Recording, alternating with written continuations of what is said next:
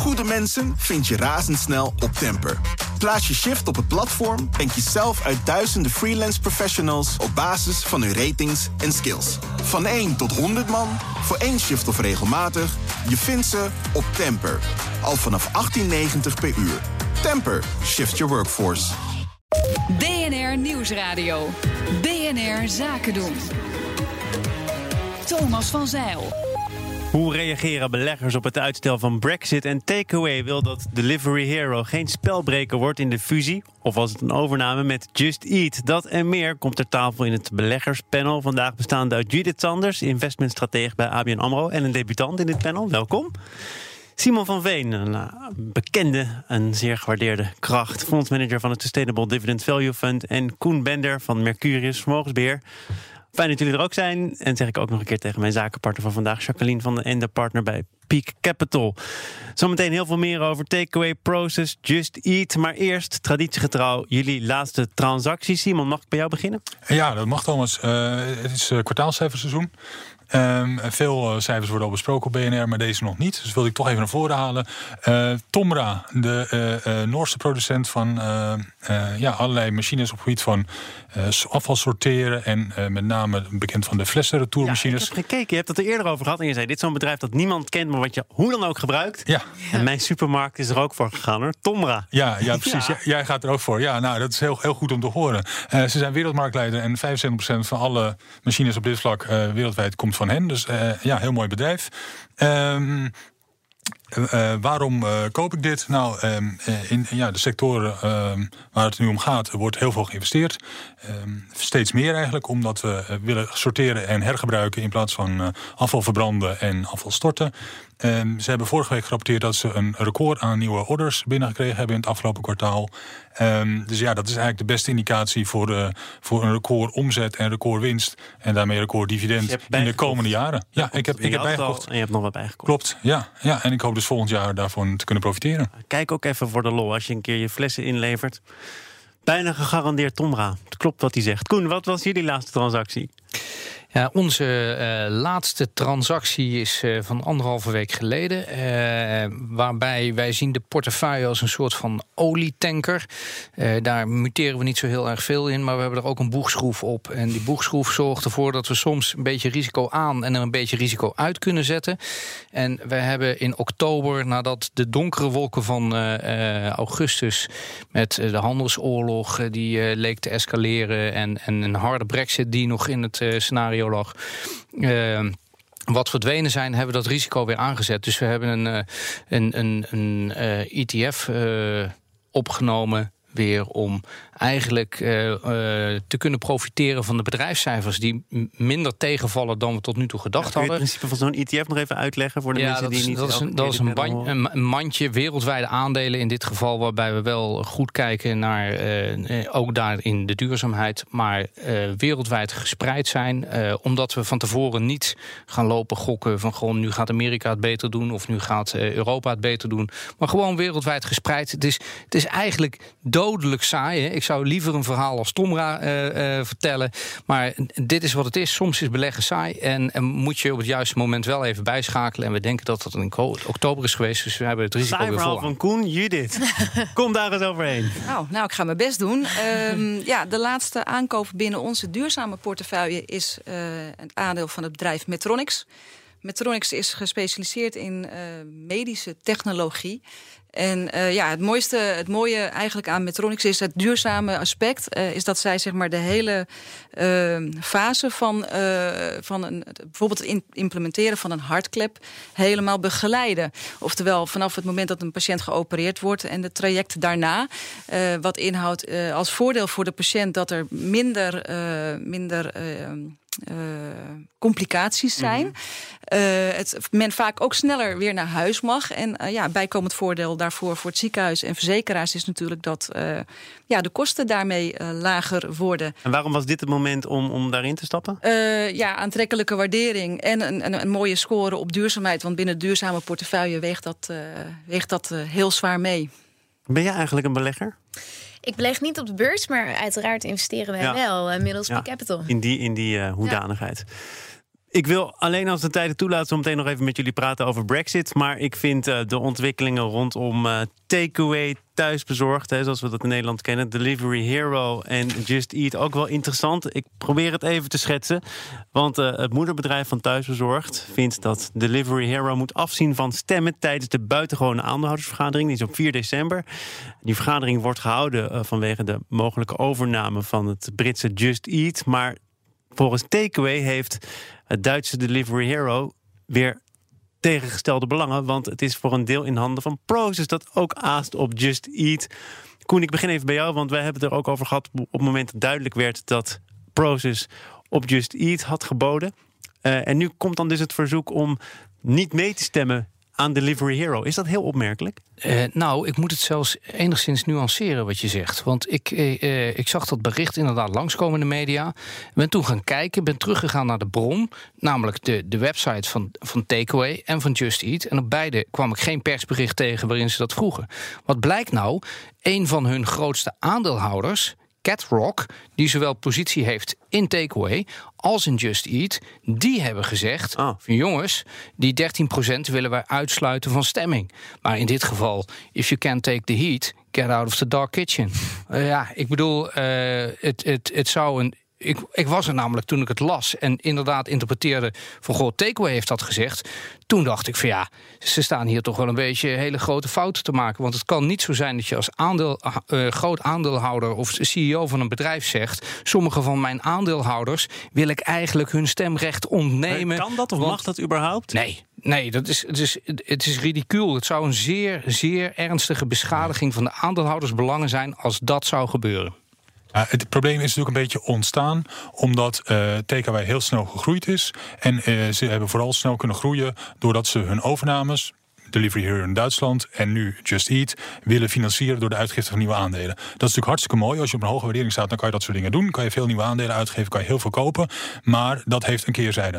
Op het moment uh, dat je een concurrent tegenkomt met hele diepe zakken zoals Proces, die uh, dezelfde bieding kunnen doen of beter en dan in cash kunnen betalen, ja, dan loop je het risico dat je koers van je eigen aandeel onder druk komt te staan. En dan ineens het bod van de concurrent een stuk hoger blijkt te zijn. En, en dat is het probleem waar TKW nu tegenaan loopt. En ik denk dat het heel moeilijk is om dat door een dergelijke constructie tegen te gaan. Volgens mij is het uiteindelijke doel van Catrock ook niet dat uh, er wel of niet gestemd wordt, maar dat er gewoon een hoger bod, uh, nou ja, misschien eerst aan TKW komt en daarna nog ja. een keer van Proces. Cat, Catrock heeft ook gezegd van, goh jongens, als Proces dadelijk met 900 pence komt, dan willen we wel praten. Maar ja, zij zitten natuurlijk in een lastige situatie. Waarschijnlijk hebben ze duurder ingekocht omdat uh, de koers nu staat en loopt hun scenario tegen ze in. Uh, tegelijkertijd om toestemming te krijgen voor deze fusie op die aandeelhoudersvergadering, moet meer dan 75% van de aandeelhouders meestemmen met het bod. Nou, uh, in dit geval heeft Delivery Hero Lees Prozus nog 13% van de aandelen. Dat was overigens 19%, dus ze zijn aan het afbouwen. Maar dan ben je al een heel eind natuurlijk met die nee, 13%. maar je, je, haalt het niet. Je haalt het, ik, ik geloof er niks van dat ze dat gaan halen met het, met het huidige bod van 710 pence. Wat eigenlijk gewoon heel eerlijk, gewoon ja, het is leuk. Ja, wil je nou bieden of wil je het kopen? Nou, in dit geval wil je alleen maar bieden, want dit is niet een bod waarop je het gaat verkopen. Maar het is niet het eerste bod ook. Ja, ja, dat hoort bij het spel. Ze zijn begonnen op 670, Ah, dan dat is fijn om 700 en iemand te hebben die het 17. uitlegt. Nee, Nee, dus. kijk, ehm, dit is een bod waarin je het, het even prikkelt. Maar willen ze echt zaken doen? Ja, dat, daar hebben we het al eerder over gehad, Thomas. Dan moeten ze gewoon 20% hoger bieden. Vanaf 850 eh, kan, je, kan je komen praten. En binnen 28 dagen moet ook zo'n bod er liggen. Want dat zijn de regels in de UK. En er zal waarschijnlijk een cash-component in moeten zitten. Dat maakt het voor aandeelhouders een stuk aantrekkelijker. Ja, dat je Ja, weet dat is het nu, hè, van eh Proces biedt in cash. Precies, precies. En- dus als TKW komt, Ja. dan zullen ze ook een cash-component in het bod moeten doen. Ja, en ik denk dat daarom ook vandaag takeaway onder druk ligt. Dat aandeelhouders zich steeds meer beginnen te realiseren van ja, er, er moet wel, hè, er moet sambal bij. Judith, wat moet er wat jou betreft bij? Of kijk jij hier vooral naar als eh, besteller misschien wel eens? Eh, nou, inderdaad, in dit geval misschien wel als besteller. Ik kan mij alleen maar aansluiten bij, eh, bij de mening van de heren. Ja. Hoe loopt het af? Is dat net zo onzeker als Brexit? Nou, Proces heeft de diepste zakken, dus die gaan winnen. Ja, degene met de diepste zakken wint sowieso? Die kans is vrij groot. Eh, ja, ik, ik vind het nu nog wel. We gaan het binnen 28 dagen zien. niet op, ze, gaan het niet, ja, ze gaan het niet op deze prijs krijgen. Dat is gewoon heel simpel. En wat kopen ze dan? Dan kopen ze dadelijk een bedrijf zonder een CEO. Hè, Just Eat. Eh, Maar dan mag hebben ze wel. even naar die aandeelhouder die jij net noemt, dat Catrock. Volgens mij is dat dezelfde aandeelhouder die zei... weet je wat, een hele takeaway, het gaat ons om Jitse Groen. Die moeten we hebben. Eh, ja, die opmerking eh, heb ik niet geregistreerd. volgens mij hebben ze, hebben ze gezegd van... wij willen gewoon een goede topman en dat is Jitse Groen. Nou ja, dan moeten ze daarna doorgaan met het, hun positie in takeaway, die ze al hebben. Maar ze hebben er ook een positie in Just, in, in Just Eat bij. En beide waren in koers gezakt. Nou, dat is natuurlijk nooit leuk als je je aandeelhouders moet vertellen in je, in je hedge fund. dat je op twee posities in de min staat. Ja. Ja. Dus ga je dan een beetje. Ja, de, de, de, het is niet cat rock, maar kat in het nauw. Simon, jij zegt eh, degene met de diepste zakken wint. Is dat ook eh, helemaal het einde van het verhaal? Gewoon één hele grote speler, in ieder geval per land... en niet meerdere partijen die elkaar proberen naar de kroon te steken? Nou, er zullen altijd meerdere partijen zijn. Maar, maar het proces is inderdaad eh, in heel veel landen de grootste of de nummer twee speler. Ehm, ja, dus, dus ook in Brazilië bijvoorbeeld en in India. dus die, ja, die zijn gewoon een, een wereldspeler op dit gebied. Ja, maar zoals het nu op tafel ligt, denk ik niet dat eh, takeaway het gaat. Of eh, sorry, dat Prozus het gaat redden. Dat is, dan, dan moeten ze echt beter komen. We blijven zo meteen even in de keuken. Namelijk de resultaten van Beyond Meat. Zijn die nou mals of taai te noemen? Zometeen de reactie van het beleggerspanel. BNR Nieuwsradio. BNR Zaken doen. Het beleggerspanel is de gast en dat wil zeggen dat in de studio staan Judith Sanders, investmentstratege bij ABN AMRO, Simon van Veen, fondsmanager van het Sustainable Dividend Value Fund en Koen Bender van Mercurius Vermogensbeheer. Mijn zakenpartner is Jacqueline van den Ende, partner bij Peak Capital. We gaan praten over Beyond Meat, want dat is tot nu toe een van de beste verhalen van de beurs, zeker dit jaar. Na die beursgang in mei werd het aandeel bijna tien keer zoveel waard. Inmiddels is het wel wat minder. Nu schommelt de koers rond de 100 dollar. En gisteren maakte de vegetarische burgermaker de kwartaalcijfers van het derde kwartaal bekend. Met als conclusie, en dan herhaal ik even de kop van RTL Z: Beyond Meat maakt voor het eerst winst. Koers keldert met 10%. Judith, hoe kan dat? Ja, ik denk dat de, verwacht, de verwachtingen wel heel hoog gespannen waren. Uh, moet erbij zeggen, wij volgen Beyond Meat nog niet. Uh, maar uh, ja, de, de, de, verwachtingen waren hoog gespannen. Maar het positief is 250% meer winstgroei. inderdaad, netto 4,1 miljoen onder de streep. dus dat, dat klinkt goed. Maar ja, de verwachtingen waren heel hoog gespannen. En ik denk dat hier gewoon een kwestie van wat winst nemen is. En je zegt, wij volgen het nog niet. Nee. Wanneer is het voor jullie interessant genoeg om te zeggen ja? Ja, dan, dan, dan, dan zou het een wat langer track record moeten hebben. Waarbij we overigens wel de ontwikkelingen op het gebied van uh, vleesvervangers wel op de voet volgen. Uh, recent ook een rapport uitgegeven. Uh, waarin ook heel duidelijk staat dat, dat we verwachten dat de, de vraag hierna dit jaar, maar ook volgend jaar, met 10% toe gaat nemen. En dat de totale omvang van de markt van ja, vleesvervangers is iets van 140 miljard in de komende 10 jaar. En, en, en dus als je ook kijkt naar wat, wat men ook aangeeft in die onderzoek is dat 60% van de mensen inmiddels al één of twee dagen in de week geen vlees eet of overweegt geen vlees te eten. Nou, dat laatste is wel heel heldhaftig. Eén tot twee dagen overwegen geen vlees nee, te eten. geen vlees of over, en ook overweegt geen vlees te eten. Maar Oh, in ieder geval, er is wel een beweging uh, gaande die uh, ja, voor bedrijven als Beyond Meat, maar Ja. natuurlijk ook voor een Unilever, wat recent uh, de, de vegetarische slager heeft overgenomen. Maar ook Nestlé. Wat, wat Beyond Meat zelf zegt, hè, die markt is heel groot en dat zien steeds meer bedrijven. Zij hebben toch de concurrentie, zeggen ze zelf, nog weer onderschat. Er komen zoveel alternatieven dat ze misschien toch ook wel rekening moeten houden met het feit dat hun stukje, puntje van de taart iets kleiner wordt dan oorspronkelijk werd verwacht. Dat zeker, dat zeker. Ja, er zijn, er zijn nu al heel veel alternatieven en er zullen nog veel meer bij komen. Dus de markt A zal heel hard groeien, maar de concurrentie zal ook heel groot zijn. En eh, welk bedrijf de uiteindelijke winnaars zullen zijn, dat vind ik heel moeilijk te voorspellen. Ehm, daar moet je dus als belegger wel rekening mee houden. Dat, dat, ja, dat, eh, Want je ziet, neem ik aan, ook alle traditionele vleesbedrijven of de grote FMCG's ook in deze markt stappen. Ehm, ja, wat jullie net al zegt, uh, Unilever nam vorig jaar de vegetarische slager over. Ja. En, en zo zullen er meer grote. Uiteindelijk zullen de, de overblijvende partijen waarschijnlijk bij de grote En voedingsmiddelenconcerns volgens mij terechtkomen. is, eh, wordt Beyond Meat gemaakt, geproduceerd in een eh, bedrijf dat vooral een track, track record heeft als vleesverwerker. Dus die twee branches die hebben elkaar ook nog wel nodig of die vinden elkaar elkaar. Ja, noem- Ja. Dat is echt de transitiefase waar we in zitten. Ja. Nog even als, als belegger, want eh, de lock-up periode, dat wil zeggen dat is een afspraak. Ja, als je aandeelhouder bent van het eerste uur, gaat het allemaal goed? Ja, gaat wel goed. Dan, eh, ja, als je aandeelhouder bent van het eerste uur, dan, dan spreek je af. Hm. We kunnen onze stukken wel van de hand doen, maar pas na een bepaalde periode. Die lock-up-periode, die zit er 180 nu dagen. op, volgens mij. Hè? Ja, die is, die is nu voorbij. En eh, dat betekent dat de allereerste investors, hè, die het nog als start-up gekocht hebben, maar ook het personeel, ja, die mogen er nu uit. En dat is driekwart van de mensen die eruit mag. Dat hebben we natuurlijk eerder al bij Adyen gezien. En, en dat was ook zo'n moment. Want vanaf dat moment zie je die koers toch onder druk komen. Bij Beyond Meat, ja, dat was natuurlijk eigenlijk. Voor mij is het, het in het land der blinde is één oog koning. En dat was Beyond Meat. Die hebben natuurlijk zo'n ontzettende ruggenwind gehad van het feit dat ze als eerste mee konden gaan op die golf van eh, anders eten en ook de focus op duurzamer beleggen. Waar, en, en zij stonden daarin vooraan. Ze waren het enige alternatief. Eh, Met, met als eh, resultaat een piek van de koers, eh, 235 Waanzinnige waardering. dollar. En nu is het eh, iets minder dan 100. Judith zegt het net, eh 4, 5 miljoen winst eh, op een waardering van een paar miljard. Ja, eh, hallo. Het slaat eigenlijk nergens op. Ja, het slaat nergens op. En, eh, en, en natuurlijk, je, je kan eigenlijk ook zien dat ze die volumes. Ja, leuk dat ze met McDonald's gaan testen voor niet de BLT, maar de. PLT, de, de Plant Lettuce Tomato Burger, eh, in 12 restaurants in Canada. Maar ja, ga er even aan staan. Als McDonald's dat over de hele wereld gaat uitrollen, eh, dan die capaciteit heb je niet. Dus jij vindt het nog steeds erg overgewaardeerd. Ja, absoluut. En eh, ik bedoel, ik vind het een heel mooi initiatief. En het is heel erg leuk, maar niet tegen deze waardering. We hadden net contact met Leon de Winter. Weten jullie al dat hij naast een goed schrijver ook aan de wieg staat van een eh, plantaardige frietfabrikant?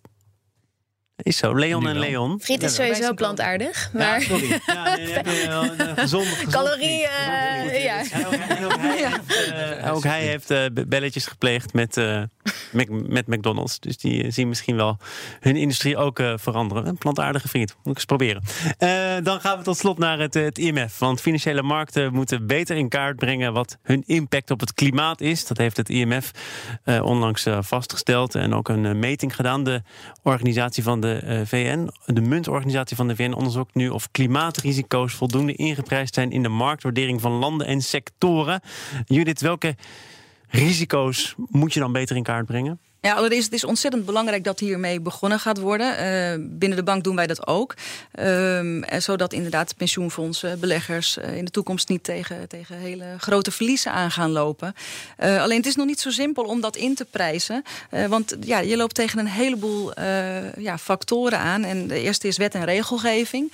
Als we kijken naar de wet en regelgeving, dan zien we dat die binnen landen, binnen continenten, maar zelfs binnen gemeentes af en toe van elkaar afwijken.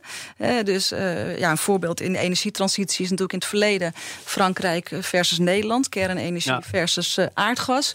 Nou ja, eh, daarin ja, moet er natuurlijk wel een stukje ja, eh, synergie, gelijkheid gaan komen om dat op een goede manier te kunnen inprijzen.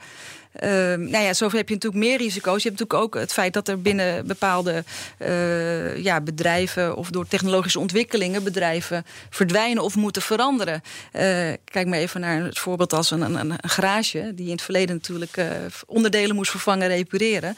De auto's van de toekomst hebben steeds minder onderdelen, elektrische auto's. Dat weet je al een tijdje. Dat weet je al een tijdje. toch? Daar kan je op voorsorteren. Daar moet ook op voorgesorteerd worden. Eh, want die gaan natuurlijk veel minder naar, eh, accu, naar accu's eh, en, en, en batterijen, het opladen en vervangen daarvan. Dus je ziet wel dat, dat bedrijven kunnen verdwijnen of klantgroepen kunnen verdwijnen. En om dat in te prijzen, ja, dat is En hoe dat prijs je heel... dat dan in? Vragen beleggers daar ook steeds va- vaak?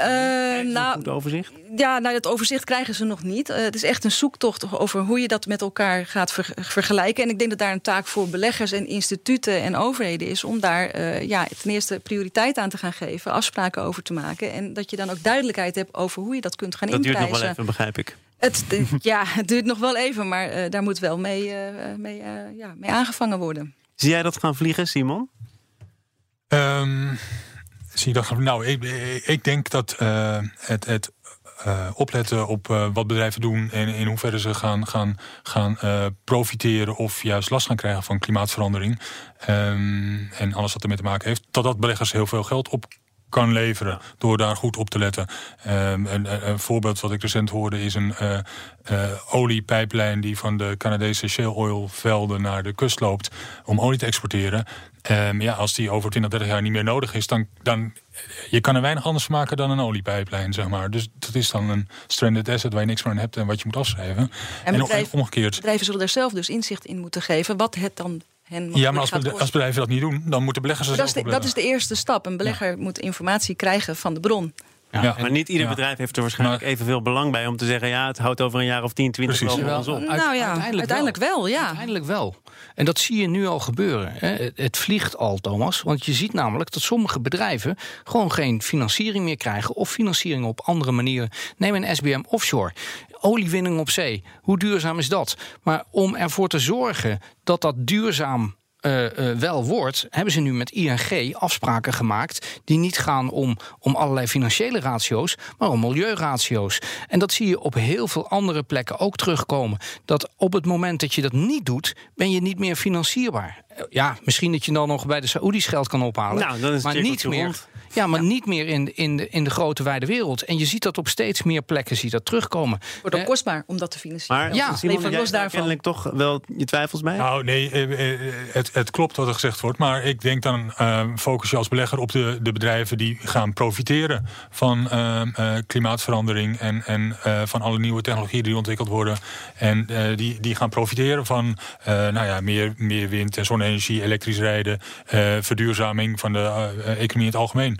Ik denk dat het een het andere niet hoeft uit te sluiten. In het begin hadden we, had, had Kees kort een, eh, een boodschap voor uh, Boyan Slat. Uh, ik, ik heb een boodschap uh, voor, voor Kees. Het uit de rivier halen van plastic begint bij het zorgen dat de levensstandaard in die landen stijgt.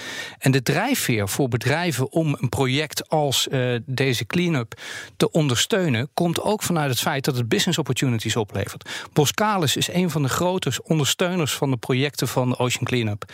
En doordat dadelijk die rivieren schoongemaakt worden, komt er economische activiteit terug op die rivier en wordt er weer gevaren. Maar om dat goed te kunnen doen, moet die rivier wel uitgebaggerd worden. En wie gaat dat doen? Dankjewel. Jij niet. Jij blijft gewoon vermogensbeheer voor Mercurius. Koen Bender van Mercurius Vermogensbeheer. Simon van Veen was hier ook fondsmanager van het Sustainable Dividend Value Fund. En Judith Sanders, mooi debuut, investmentstratege bij ABN AMRO. Mijn zakenpartner was Jacqueline van den Ende. Tot de volgende keer. Goede mensen vind je razendsnel op Temper. Plaats je shift op het platform en kies zelf uit duizenden freelance professionals op basis van hun ratings en skills. Van 1 tot 100 man, voor één shift of regelmatig, je vindt ze op Temper. Al vanaf 18,90 per uur. Temper, shift your workforce.